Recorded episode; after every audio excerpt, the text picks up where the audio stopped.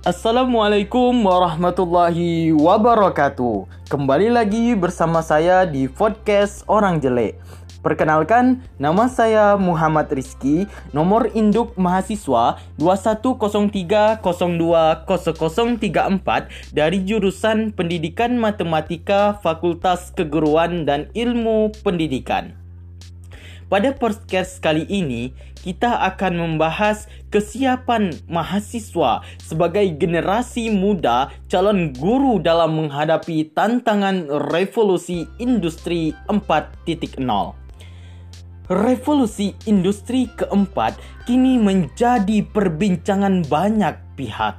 Pemerintah, industri, dan perusahaan mengerahkan segala persiapan untuk menghadapinya. Namun, apa sebenarnya revolusi industri 4.0 itu? Singkatnya, revolusi industri keempat adalah bagaimana teknologi seperti kecerdasan buatan, kendaraan otonom, dan internet saling memengaruhi kehidupan manusia hadirnya otomasi dan kecerdasan industri tentu berpotensi besar untuk melipat gandakan produktivitas tenaga kerja. Bahkan telah banyak perusahaan dunia yang telah menggunakan robot dan kecerdasan buatan untuk menggantikan posisi manusia di lini produksi kemajuan teknologi. Konsep revolusi industri 4.0 ditandai dengan kemunculan kemajuan teknologi baru seperti robot kecerdasan buatan, artificial intelligence robotik, superkomputer, robot pintar, paperless, 3D printing, or editing genetik hingga perkembangan neuroteknologi yang memungkinkan manusia untuk lebih mengoptimalkan fungsi otak. Akan tetapi, revolusi industri keempat ini juga mendatangkan tantangan bagi masyarakat Indonesia, khususnya generasi penerus bangsa sebagai tenaga pendidik harus memiliki sumber daya manusia yang berkualitas, kreatif, dan berinovasi yang mempunyai daya saing. Karena seperti yang kita ketahui, revolusi industri 4.0 telah membawa inovasi teknologi yang membawa dampak disrupsi atau perubahan fundamental terhadap kegiatan masyarakat di mana saat ini sudah banyak aktivitas manusia yang sudah tergantikan oleh teknologi digital. Bahkan ada beberapa yang sudah digantikan dengan robot.